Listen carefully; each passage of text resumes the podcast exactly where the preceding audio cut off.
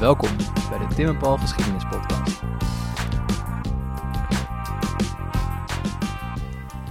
Goedemorgen, Paul. Goedemorgen Tim.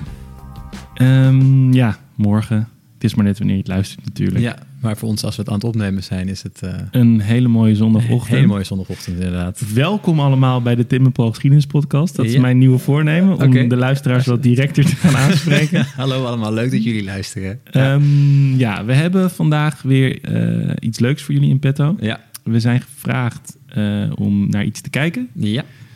Eh, waar hebben we naar gekeken, Paul? wij hebben gekeken naar de serie 1985.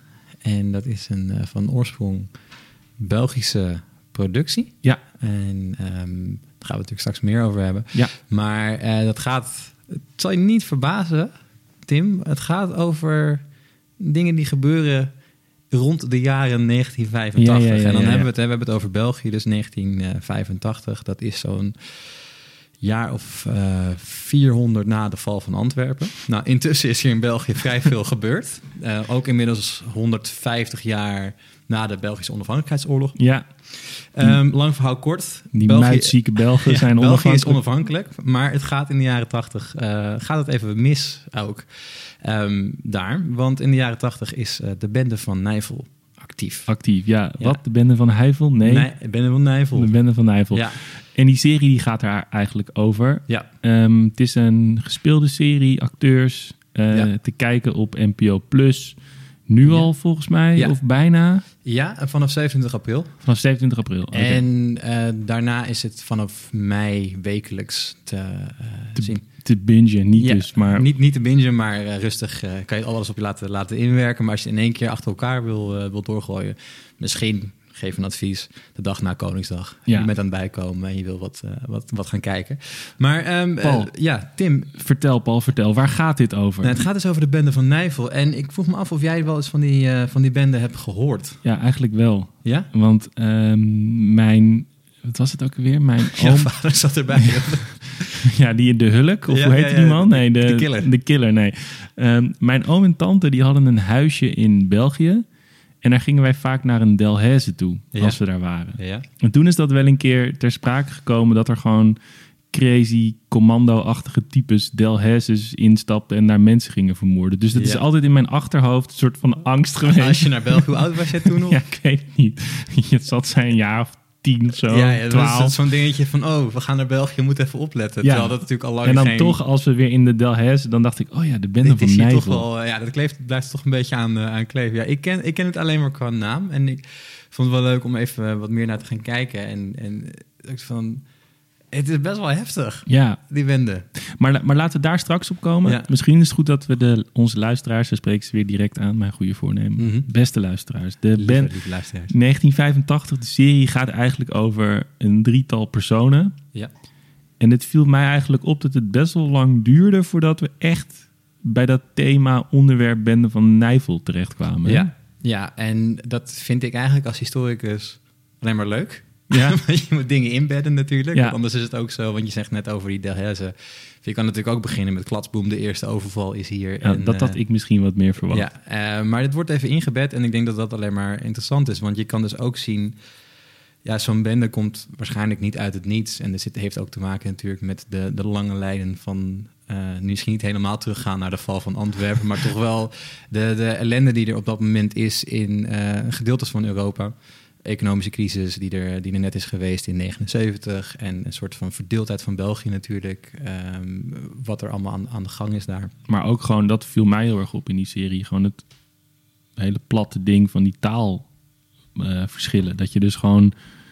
Ik ga, we, gaan, we gaan een klein beetje spoileren, dat Ja. moet wel. Er werken er een aantal bij de, de Rijkspolitie. Ja. Of hoe heette dat? De, ja, gendarmerie. De Rijkswacht. eh, Rijkswacht. Jean- in het Frans dan de gendarmerie, wat wij eigenlijk volgens mij de Marechaussee zouden ja, was het? Ja, een soort van... Ik vond het, was het niet gewoon een soort van algemene politie meer? Ik had het niet helemaal duidelijk. Het werd mij niet helemaal duidelijk wat het voor politie was. Ja.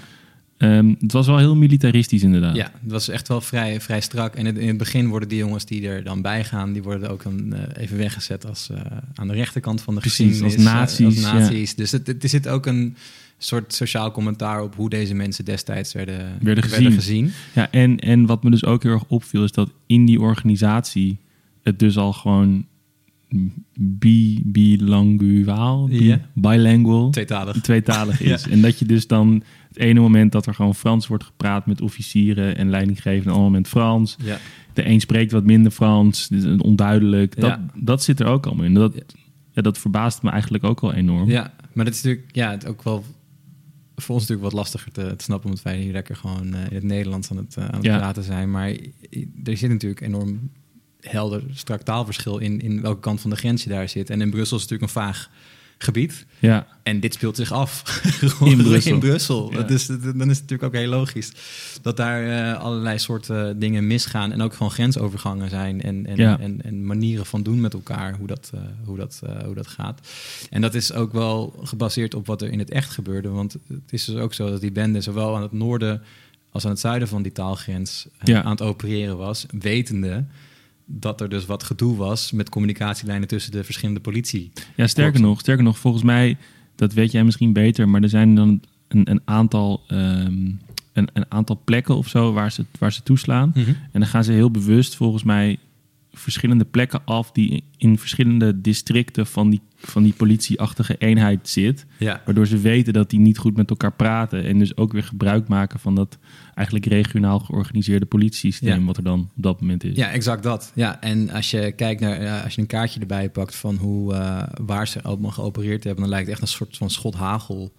Eh, methode. Dan- Ja. Vergeef me de, de toespeling, maar de, een schot hagel. eh, een gedeelte boven, boven de- in het Nederlands taalgebied, een gedeelte in het, eh, in het Franse taalgebied. En inderdaad exact met het idee, ja, die mensen die hebben toch een beetje een hekel aan elkaar, ook op institutioneel niveau. Ja, ja. Dus we gaan vooral niet met elkaar communiceren.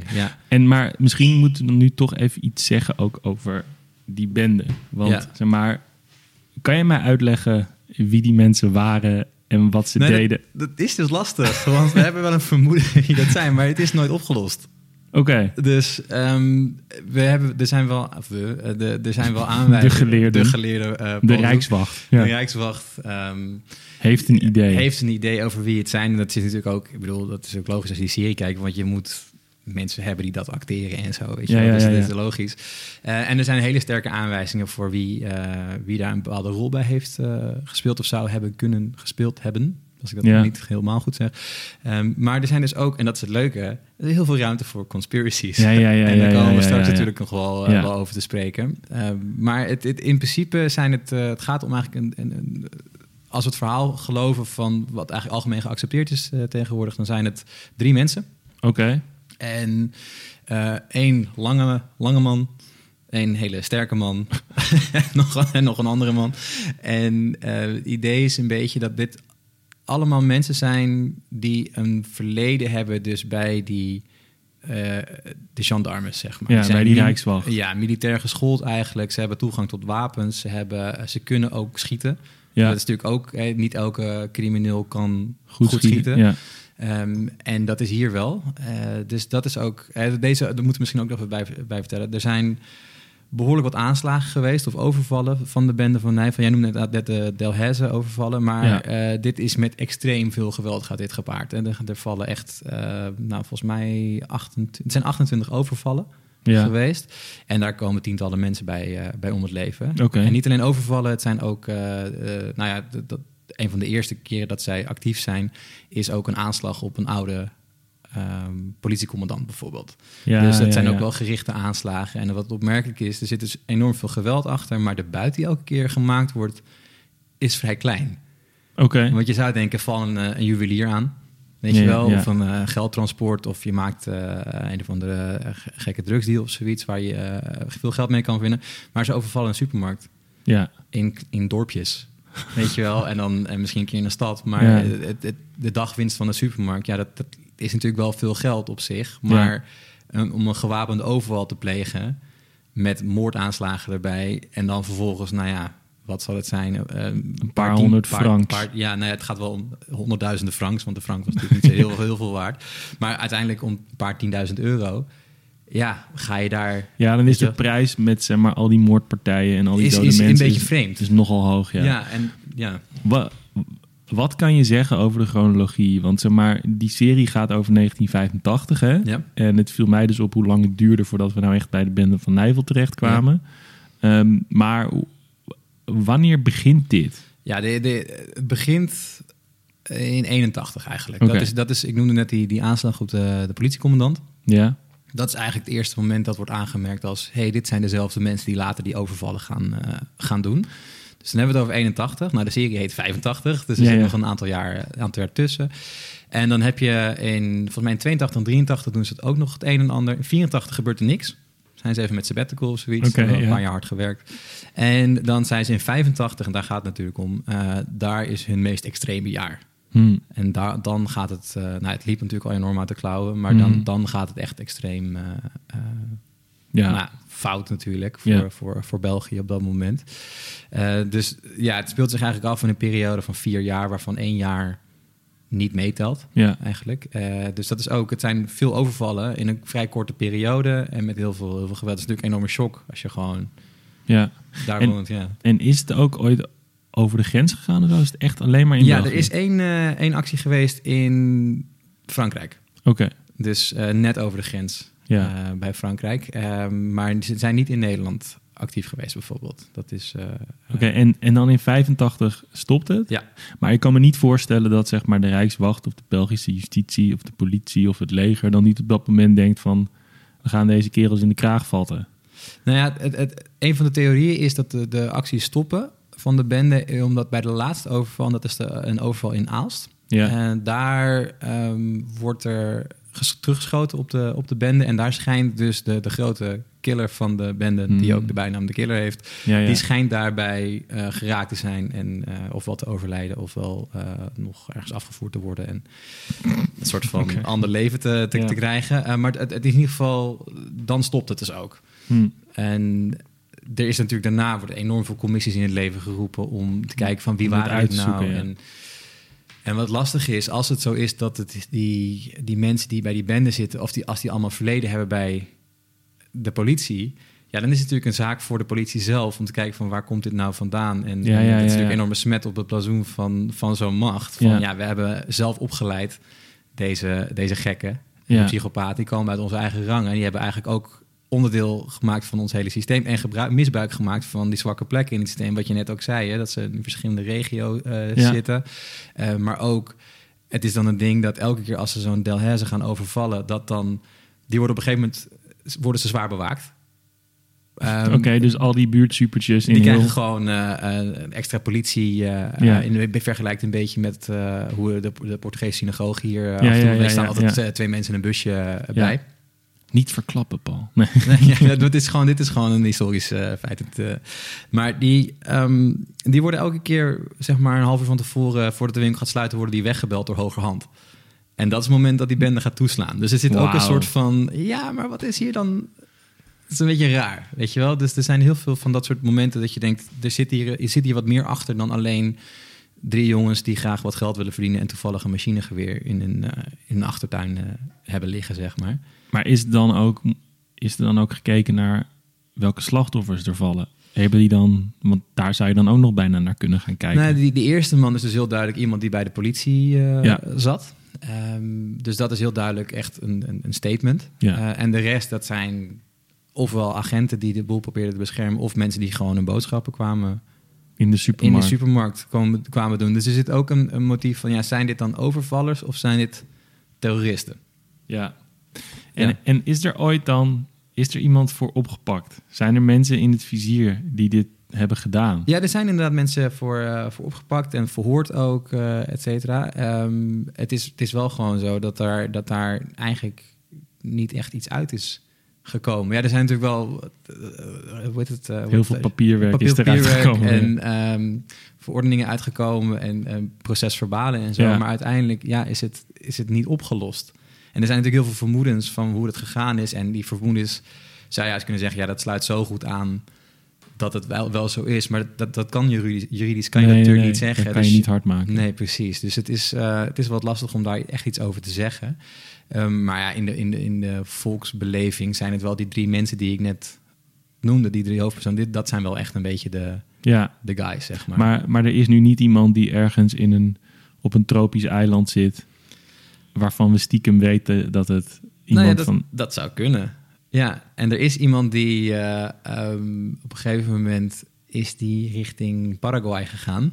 Dat die- is vaak wel een teken dat je er niks me- mee te maken meestal, hebt. Mensen in de jaren tachtig die richting Paraguay gaan, is, is- dat zijn niet meestal zuivere koffie. Maar die, die man is daar naartoe gegaan en die, die heeft daar blijkbaar tegen iedereen verteld over de bende van Nijvel en zo. Dus dat is ook weer zo'n soort verhaal van, Ja, maar dat is toch ook stupid? Dat je dan er zo lang mee weggekomen bent. ja, en ga je daar... en dan, ja. dan, dan ben je gevlucht. Dat je toch al, zeg maar, een soort van ding op je voorhoofd hebt. Er komt Ja. hier ineens een, in dit dorpje in Paraguay een Belg aanlopen. Ja. En dan, dan val je al op en dan ga je nog een Ja. beetje vertellen. Ja, maar misschien heb ik weet het niet uit mijn hoofd, maar het kan zijn dat zij geen uitwisselingsverdrag hebben bijvoorbeeld. Ja. Dus dat is natuurlijk ook Ja. weer een dingetje. Ehm, wat ik wel weet in ieder geval is eh, in 85 is de laatste overval geweest en dat is dus inmiddels is dat verjaard. En er is een speciale wet aangenomen waardoor het dus nog iets eh, het onderzoek Shit, langer kan, kan doorgaan. Maar in principe zou deze, deze eh 20 jaar na, na datum zouden ze verjaard zijn.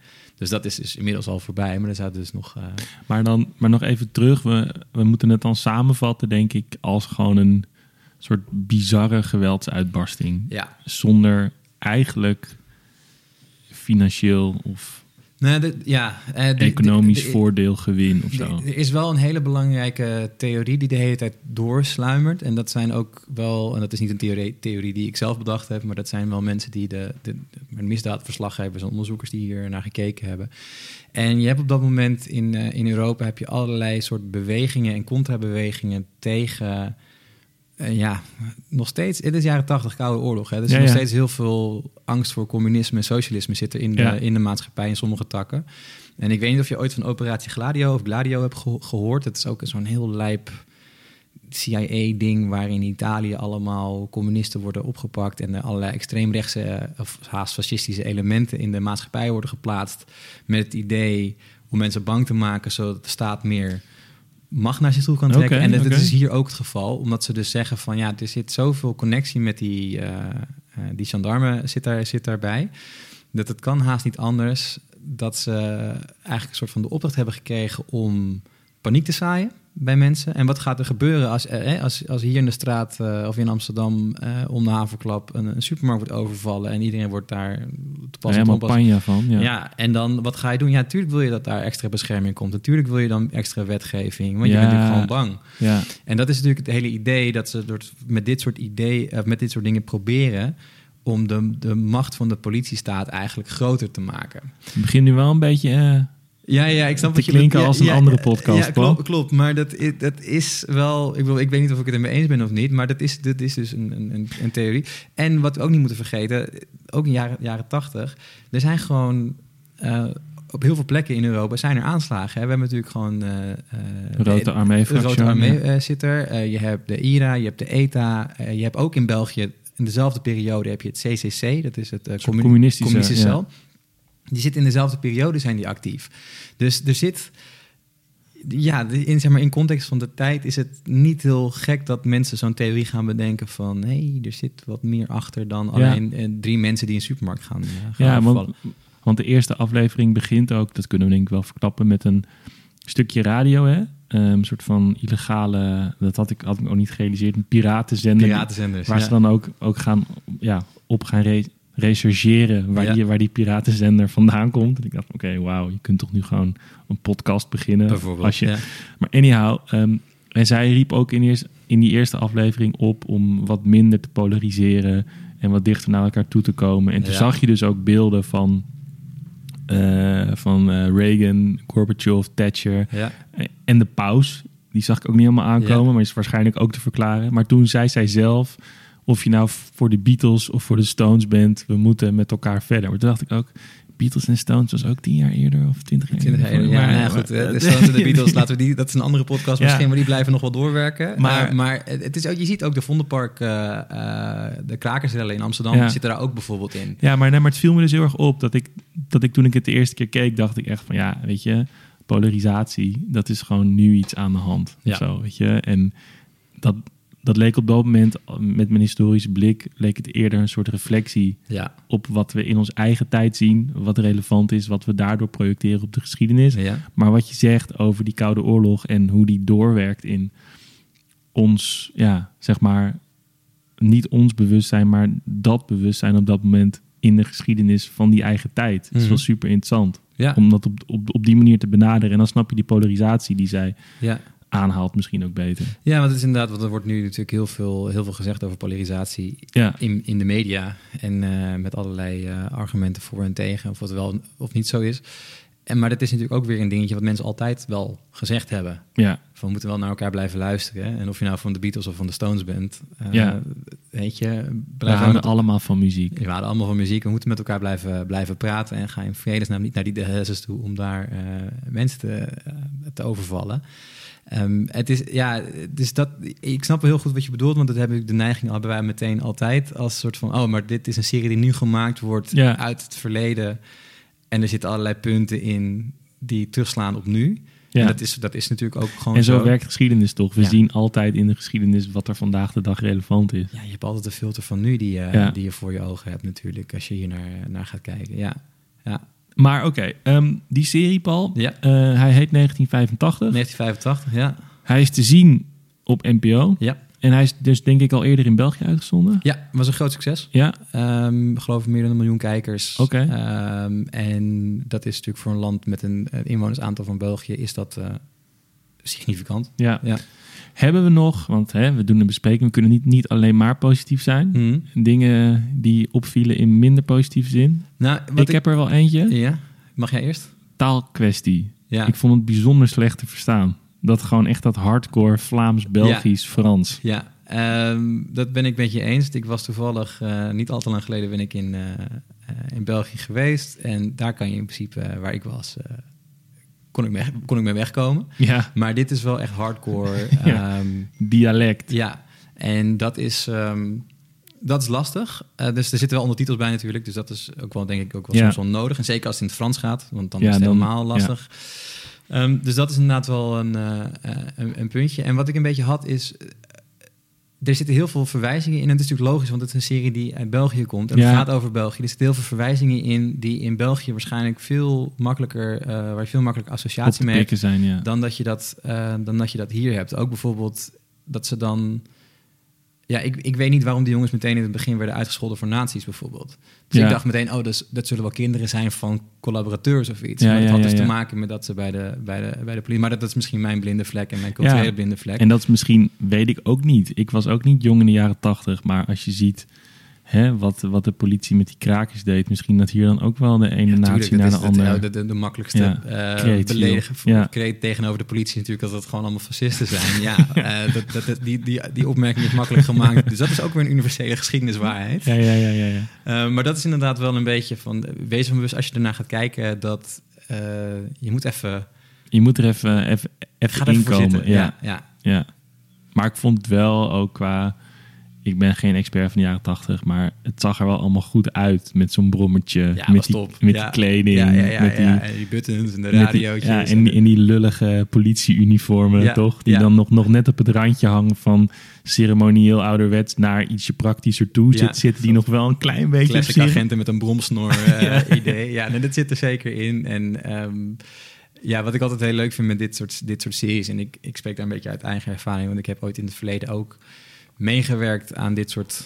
niet aan dit soort producties, maar, maar wel aan Een soortgelijke een soortgelijke pro- ja. producties... ehm, waarin archiefmateriaal werd gebruikt... Ja. ehm, vanuit in dit geval beeld, beeld en geluid. En uiteindelijk is het dan heel leuk om dat soort beelden dan terug te Ja. zien. Dus het is, het is fictie. En de, de regisseur heeft zelf gezegd, of de producent van ja, het is geen true crime. Ja, Want we weten niet wie het gedaan heeft. maar, maar het is een soort van fictief true crime verhaal. ja, Ehm, maar wel, echt wel gebaseerd op, ehm, nou ja, met, met archiefbeelden erbij. Dus Ja. je, je ziet, wordt wel meteen, ja, ik was ook niet jong in de jaren tachtig, maar ik heb natuurlijk wel wat, ik heb wel eens foto's gezien en, en je hebt er wel, wel meteen gevoel gehoord. bij. Ja, ja. precies. Wel meteen van, oh ja, dit is heel duidelijk die periode. Dus dat wordt wel echt heel nice neergezet. Ja. En ik wist niet dat Mathieu van der Poel in de jaren tachtig een, een, een aanstormend politie, eh, politieman was. Ja, het is hetzelfde wat we vorige keer hadden, toch? Dat Frenkie de Jong in het, Ja. Colosseum aan het vechten was. Dat hebben we inderdaad eh, van de Maar- pool... eh, Maar jij zag hem ook deze keer? ik, heb hem, ik ben geen groot fietsliefhebber, maar dit herkende ik zelfs. ja, dat was nice. Dus blijf, Ja. blijf vooral onze sporticonen Ja. vragen voor... voor een nieuwe rol te geven, Ja, letterlijk. Ja. Precies, ja. Ja, dan zijn we er denk ik wel. All right. Even samenvattend. 1985, Ja. The Dead Eyes. serie heet 1985 en gaat over de bende van Nijvel. En het is wekelijks te zien vanaf 4 mei. Oké. Ehm, dus dan kan je elke week kan je rustig uitkijken naar de, de nieuwe aflevering. Maar Tim, wat ook kan, en dat is een beetje genaamd voor mensen zoals jij, hè, want ik ken jou al langer dan vandaag. Ja, We maken ja. deze podcast al wat langer. Jij bent een man die, eh, als je ergens induikt, dan eh blijf je er ook wel echt goed eh, je Ja, handen in zetten. Dus ik kan me voorstellen voor mensen met wat minder geduld, zoals jij, ga je lekker op de bank zitten en je knalt in één keer die hele serie achter elkaar aan. ja, dat, Eh, ja. Haal wat pizza's, eh, trek een biertje open en, en ga kijken. En dat kan vanaf 27 april. Maar waar doe ik dat, Paul? Dat doe je dus via NPO Plus. Oké. Ik ga me aanmelden. Yes.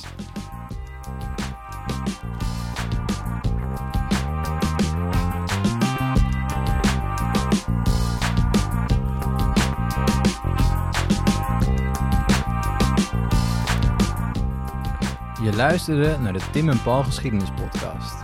Een onafhankelijke podcast van Tim Streefkerk en Paul de Jong. Met muziek van Mart Jenninga.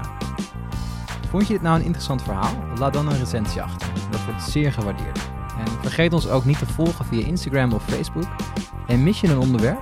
Contacteer ons dan via de socials of stuur gewoon een ouderwets mailtje naar info.geschiedenispodcast.nl Groetjes thuis.